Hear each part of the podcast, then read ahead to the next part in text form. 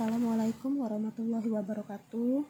Selamat pagi Bapak Ibu. Perkenalkan nama saya Rizky Janita AR. Saya adalah calon pegawai negeri sipil pemerintah Kota Palembang yang bertugas di SMP Negeri 12 Palembang. Saya sebagai peserta latihan dasar CPNS angkatan 65 kelompok 1 yang diselenggarakan oleh BPD SMD Provinsi Sumatera Selatan tahun 2021.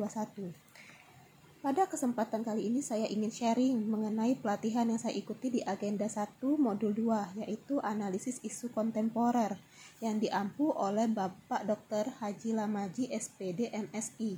Mata pelatihan ini kita dituntut mampu menghadapi perubahan-perubahan karena perubahan itu adalah hal yang mutlak. Kita akan jauh tertinggal jika tidak mengikuti perubahan tersebut. Oleh karena itu, kita dituntut mampu harus menghadapi perubahan lingkungan isu-isu pada zaman sekarang, serta kita harus mampu memilih dan memilah perubahan lingkungan yang cocok sesuai dengan nilai Pancasila dan nilai dasar PNS sebagai modal insani, yaitu intelektual, emosional, sosial, ketabahan, etika, dan kesehatan. Berbagai macam uh, isu-isu kontemporer pada zaman sekarang, korupsi, narkoba, hate speech, uh, proxy war, money laundry, dan lain-lain. Salah satu isu kontemporer yang lagi booming sekarang adalah hate speech.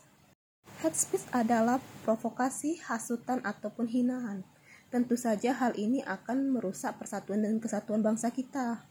Oleh karena itu, saya harap kita semua harus pandai menjaga lisan kita dalam berbicara kepada orang lain sehingga tidak menjadikan negara kita pecah belah karena ucapan ataupun lisan kita tersebut. Sekian ulasan dari materi agenda 1 modul 2 hari ini tentang analisis isu kontemporer.